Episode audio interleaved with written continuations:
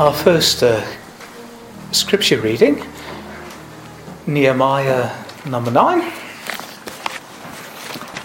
Nehemiah chapter 9, the verses 1 to 15. It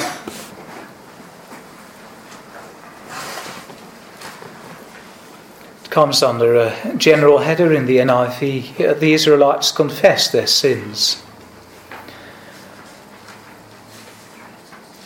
On the 24th day of the same month, the Israelites gathered together, fasting and wearing sackcloth and having dust on their heads. Those of Israelite descent had separated themselves from all foreigners. They stood in their places and confessed their sins and the wickedness of their fathers. They stood where they were and read from the book of the law of the Lord, their God, for a quarter of the day and spent another quarter in confession and in worshipping the Lord their God. Standing on the stairs were the Levites, Jeshua, Bani, Kadmiel, Shebaniah, Bani, Sherebiah, Bani, and Kenani, who called with loud voices to the Lord their God. And the Levite, Jeshua, Kadmiel, Bani, Shebaniah, Sherebiah, Hodiah, Shebaniah, and Pethahiah, said, Stand up and praise the Lord your God, who is from everlasting to everlasting. Blessed be your glorious name, and may it be exalted above all blessing and praise. You alone are the Lord. You make the heavens, even the highest heavens, and all their starry host, the earth and all that is in it, the seas and all that is in them you give life to everything, and the multitudes of heaven worship you.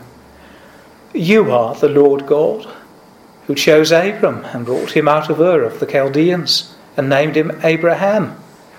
You found his heart faithful to you, and you made a covenant with him to give to his descendants the land of the Canaanites, Hittites, Amorites, Perizzites, Jebusites, and Girgashites you have kept your promise because you are righteous. You saw the suffering of our forefathers in Egypt. You heard their cry at the Red Sea. You sent miraculous signs and wonders against Pharaoh, against all his officials, and all the people of his land, for you knew how arrogantly the Egyptians treated them. You made a name for yourself which remains to this day. You divided the sea before them so that they pass through it on dry ground. But you hurl their pursuers into the depths like a stone into mighty waters. By day you let them with a pillar of cloud, and by night with a pillar of fire to give them light on the way they were to take. You came down on Mount Sinai. You spoke to them from heaven. You gave them regulations and laws that are just and right, and decrees and commands that are good. You made known to them your holy Sabbath and gave them commands, decrees, and laws through their servant your servant Moses. In their hunger you gave them bread from heaven, and in their thirst you brought them water from the rock. You told them to go in and take possession of the land you had sworn with uplifted hand to give them. So far, our first scripture reading. Time for the offering, also the offering hymn 429, 429, when we walk with the Lord, also known as trust and obey. We've come to our second scripture reading. We continue our reading from Nehemiah 9.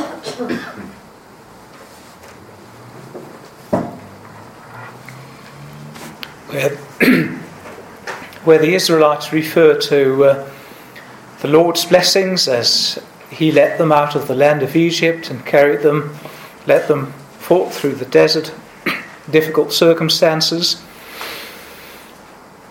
The faithfulness of God.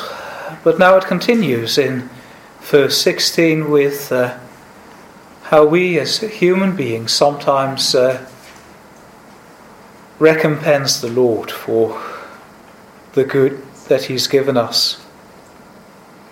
Verse 16 But they, our forefathers, became arrogant and stiff necked, and they did not obey your commands.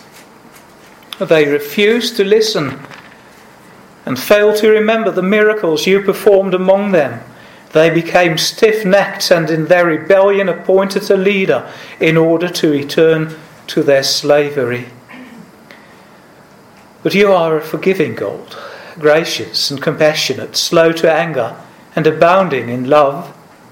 Therefore, you did not desert them, even when they cast for themselves an image of a calf and said, This is your God, who brought you up out of Egypt, or when they committed awful blasphemies. Because of your great compassion, you did not abandon them in the desert. By day, the pillar of cloud did not cease to guide them on their path, nor the pillar of fire by night to shine on the way they were to take. You gave your good spirit to instruct them.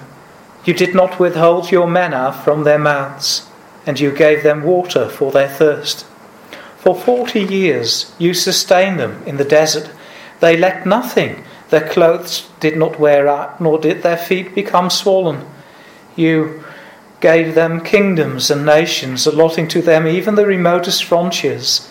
They took over the country of Sihon, king of Heshbon, and the country of Og, the king of Bashan. You made their sons as numerous as the stars in the sky, and you brought them into the land that you told their fathers to enter and possess. Their sons went in and took possession of the land. You subdued before them the Canaanites who lived in it. The land you ended the uh, the Canaanites who lived in the land. You handed the Canaanites over to them, along with their kings and the peoples of the land, to deal with them as they pleased. They captured fortified cities and fertile land. They took possession of houses filled with all kinds of good things, wells already dug vineyards, olive groves, and fruit trees in abundance. They ate to the full and were well nourished.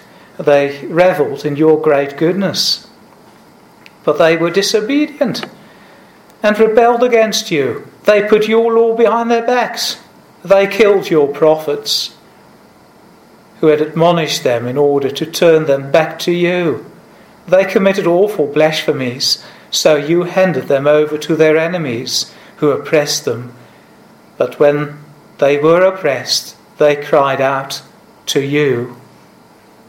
From heaven you heard them, and in your great compassion you gave them deliverers who rescue them from the hand of their enemies. But as soon as they were at rest, they again did what was evil in your sight then you abandoned them to the hand of their enemies, so that they ruled over them. And when they cried out to you again, you heard from heaven, and in your compassion you delivered them time after time. You warned them to return to your law. But they became arrogant and disobeyed your commands. They sinned against your ordinances, by which a man will live if he obeys them. Stubbornly they turned their backs on you became stiff necked and refused to listen. For many years you were patient with them. By your Spirit you admonished them through your prophets, yet they paid no attention. So you handed them over to the neighboring peoples. But in your great mercy you did not put an end to them or abandon them, for you are gracious and merciful God. Now, therefore, O our God, the great, mighty, and awesome God, who keeps his covenant of love, do not let all these hardships seem trifling in your eyes. The hardship that has come upon us, upon our kings and leaders, upon our priests and prophets, upon our fathers and our, all our people, from the days of the kings of Assyria until today. In all that has happened to us, you have been just you have acted faithfully while we did wrong. Our kings, our leaders, our priests, and our fathers did not follow your law. They did not pay attention to your commands or the warnings you gave them, even while they were in their kingdom, enjoying your great goodness to them in the spacious and fertile land you gave them. They did not serve you or turn from their evil ways. But see, we are slaves today, slaves in the land you gave our forefathers so they could eat its fruit and the other good things it produces because of our sins. Its abundant harvest goes to the kings you have placed over us. They rule over our bodies and our cattle as they please. We are in great distress. So far, the Word of God.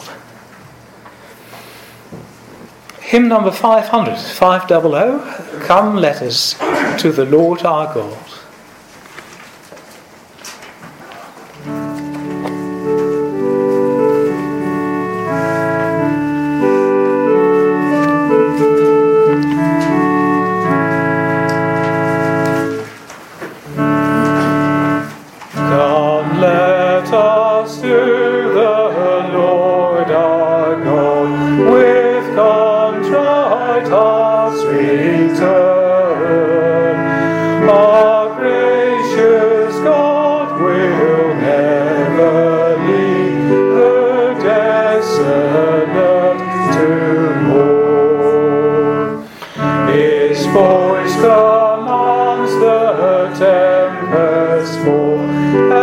stay.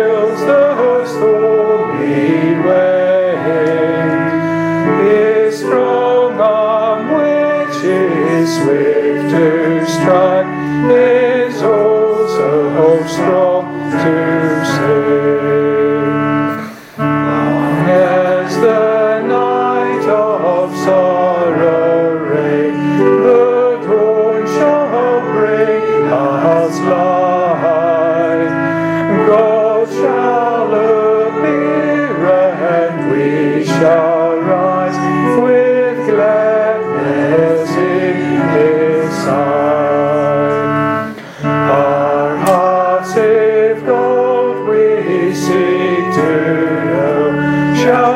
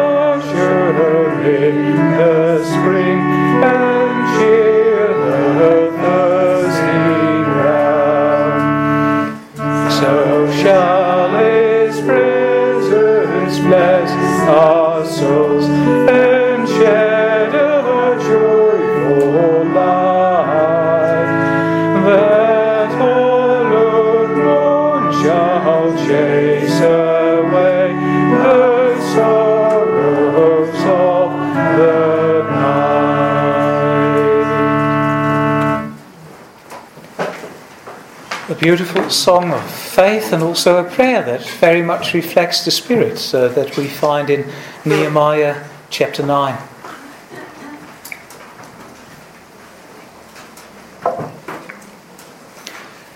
This morning I'm going to take you back 260 years to uh, a spot that uh, is still very special to me, to the town of uh, back in the Netherlands, where I uh, grew up. I spent most of my early youth there. There's a very old church there that dates back to the Middle Ages. It's also called the Big Church, uh, and it is a big church, a very high tower too. One day, as a little boy, I got uh, very much afraid and anxious, but I was brave. I made it all to the top, but uh, it, uh, it, it was dangerous the ladder that allowed you to look down as well. I still remember that. But what is even more precious, or what is really precious to me, is uh, sitting in that church on a Sunday night as a teenager, as I uh, love the Lord and uh, used every opportunity to go to church and listen to His word. So in the evening, I often visit to that ancient church to listen to the word of God in that same church, the preached a minister in the 1700s with the name of Cuypers, Gerardus Cuypers. And something special happened during his early ministry in that church of Newkirk. Revival broke out in 1749, just as it did in Scotland under ministers uh, called the, the Erskines and s- s- some other names there. People returned to the Lord after decades of spiritual dryness. And as they did, they confessed their sins and they even did it in church. Can you imagine that? People falling down this morning on their knees and weeping, drawing closer to the Lord and saying, We and our fathers did wrong and now we realize from your word. And we want to change and please forgive us. And, and yes, they also cried out and there was some disturbance during the church services. Very often in days of revival, there is that mixture of genuine Holy Spirit and human spirit, and sometimes evil spirits that try to get their share of uh, the harvest as well.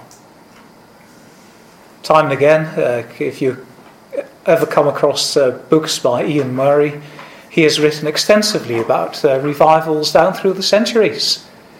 We had a so called revival just a few years ago, remember? Some 10, 15 years ago, probably 15, uh, called the Toronto Blessing. All started at the Airfield uh, uh, Vineyard congregation in uh, Toronto, in Canada. And on the one hand, people seem to have generally converted through that revival and are still committed Christians. On the other hand, very strange things happen. People bursting out in uncontrollable laughter and disturbing church services no end. Also, even people barking like dogs because they barked in the Holy Spirit. Uh, that sort of thing seems uh, like different spirits to me if I read my Bible. So, so, so a mixture. And that was the, the, the case with the 1749 revival in Newkirk as well. Uh, lots of people knew better and were the first to criticize Cuypers. Everywhere where the Lord is working, you'll meet criticism. So that's no big deal. And yes, there were people disturbing church services, but it was a lasting fruit for the kingdom of God, this revival. It changed the town for a long time after. And I believe that some of the fruits that the people still experience there can be dated back indirectly to God's work in the 1740s. We find revival and reformation in Nehemiah 9 as well. And the beautiful thing about the Word of God here this morning is that it spells out the biblical principles that should operate for genuine revival, to, to see whether it's the real thing or not, or to use the principles that operate in days of revival to our spiritual advantage. First thing we see in this chapter is that people go back to the Word of God. It's not only a special festival, okay, we've given the Lord his due and now we continue with normal life again. No, even after that uh, Feast of Tabernacles and that uh, extensive reading from the Word of God and explaining and preaching, etc., it's not just that festival. We see that it continues. The Lord follows up with His Word. People are interested. And they continue to read from the Word of God and to listen to the reading for a quarter of every day. Back to the Word of God. We see that with every genuine revival. Go back to the Reformation, 1500s.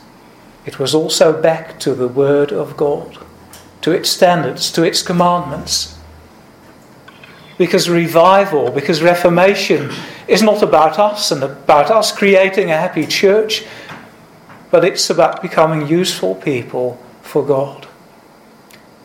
And the starting point for that, the only starting point, is the Word of God. As Martin Luther found out, as Calvin found out, John Knox, all those people, early first generation Reformation, it was back to the Word of God. Read your Bible. Remember from Sunday school? What follows? Read your Bible, pray every day. The element of asking God things, and in the way we use prayer these days, uh, it's a bit broader than asking, because it, in the Bible, in the Greek, prayer is, is asking things from God, but we also use prayer as we approach God and as we worship Him and ascribe greatness to His name.